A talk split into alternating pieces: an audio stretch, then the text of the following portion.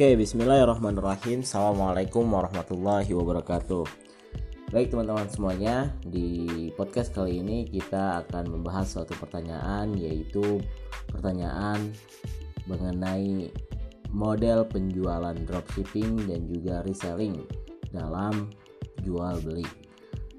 Untuk itu mari kita mengetahui terlebih dahulu apa itu dropshipping dan juga apa itu reselling. Dropshipping adalah bagaimana seorang pembisnis atau penjual yang melakukan menjual barangnya dan barangnya tersebut diambil dari seorang supplier.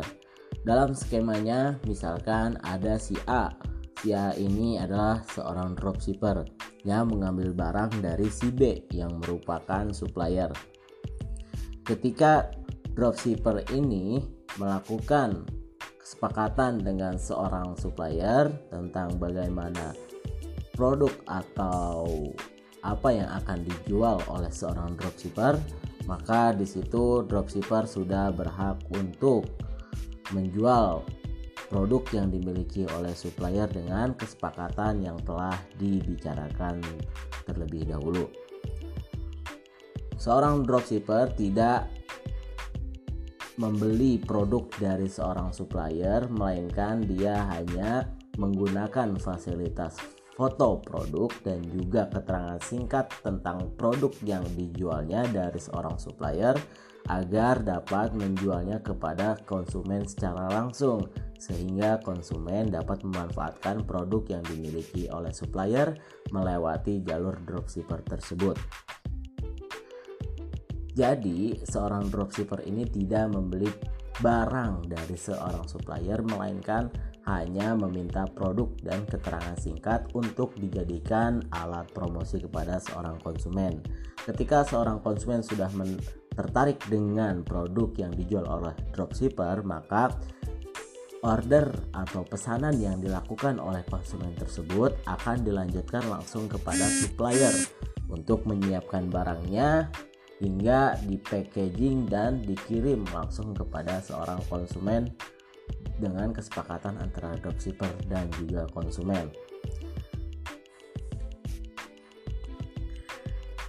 Dropshipping menurut fikih atau Islam dalam hal ini diperbolehkan dengan ketentuan-ketentuan yang sudah diatur. Yang pertama, produk yang dijual oleh seorang dropshipper adalah produk yang halal atau bukan produk-produk yang diharamkan seperti minuman keras atau produk-produk yang didapatkan dari hal-hal yang tidak halal. Lalu yang kedua, penjual atau dropshipper harus menjelaskan secara detail produk dengan benar dan seutuhnya tanpa ada mengurang-urangi atau melebih-lebihkan. Sebagaimana Rasulullah Shallallahu Alaihi Wasallam bersabda dalam hadisnya, Rasulullah Shallallahu Alaihi Wasallam melarang jual beli dengan mod, dengan barang yang goror. Maka selanjutnya setelah semua itu jelas akan uh, ketentuan selanjutnya adalah ijab dan kobul, di mana ijab dan kobul ini yang akan menentukan perpindahan kepemilikan produk yang dijual oleh dropshipper diambil dari supplier yang akan diberikan atau dipindah kepemilikannya kepada seorang konsumen yang tertarik dengan produk tersebut. Lalu, ketentuan yang terakhir dalam proses dropshipping ini adalah akad yang ada di dalamnya.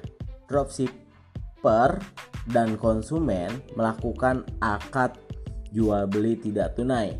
Karena harga yang sudah dibayarkan itu barangnya masih dalam keadaan pengiriman atau dibayar terlebih dahulu barang baru akan sampai kemudian.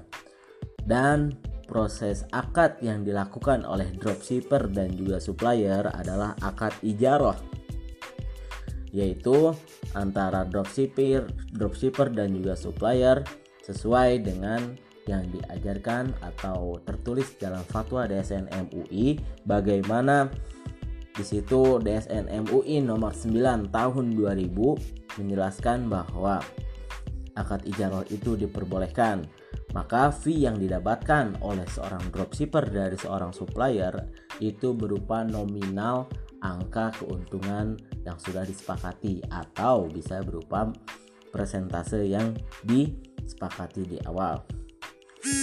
Bagaimana hadis Rasulullah Shallallahu Alaihi Wasallam mengatakan barang siapa yang memperkerjakan pekerjanya maka berikanlah haknya. Itu dia tentang dropshipping. Selanjutnya kita akan membahas tentang reselling. Tidak jauh beda dengan dropshipping, reselling adalah su suatu pembis adalah seorang pembisnis yang melakukan bisnisnya dengan cara mengambil barang dari supplier. Dan perbedaannya adalah reselling ini me membelanjakan uangnya untuk me menjadikan barang dari supplier itu stok. Jadi si, si reseller membeli membeli barang secara tunai dan barang ini akan dijadikan stok untuk dijual kembali kepada konsumen. Dalam prakteknya misalkan ada si B yang melakukan yang sebagai reseller, dia membeli produk dari seorang supplier yang menjual barangnya dengan harga yang terjangkau atau lebih murah dengan jumlah yang lebih banyak sehingga barang-barang yang dibeli tadi diperuntukkan untuk dijual kembali kepada konsumen. Dan si B ini membeli barangnya dari seorang supplier itu dengan tunai tanpa hutang, sehingga barang yang tadinya dimiliki oleh seorang supplier sudah menjadi hak milik seorang reseller yang nantinya akan dijual kembali kepada seorang konsumen.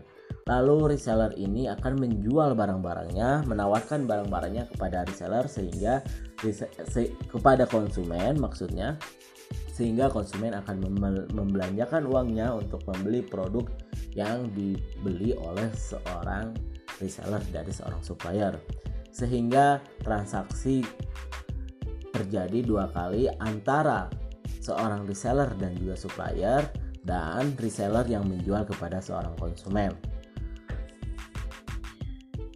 Menurut syariah, pandangan syariah atau fikih, hal ini diperbolehkan hampir sama dengan yang diatur dalam dropshipping bahwa ketentuannya yaitu produknya halal, yang kedua harus menjelaskan produk sesuai dengan hadis riwayat Rasulullah, lalu adanya ijab kabul dan adanya akad antara antara seorang reseller dan konsumen dan antara reseller dan supplier.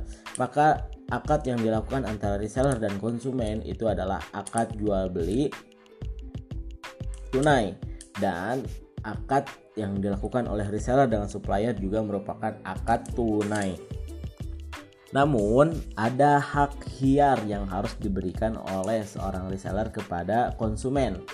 Maka ketika produk yang dikirim oleh reseller tidak sesuai dengan penjelasan atau foto yang diberikan kepada konsumen, maka harus diberikan pilihan untuk yang pertama bisa dengan cara dipotong uh, uangnya 50% atau bisa dikembalikan secara full dan barang tersebut dikembalikan kembali kepada reseller tersebut sesuai dengan fatwa DSN MUI nomor 110 tahun 2017.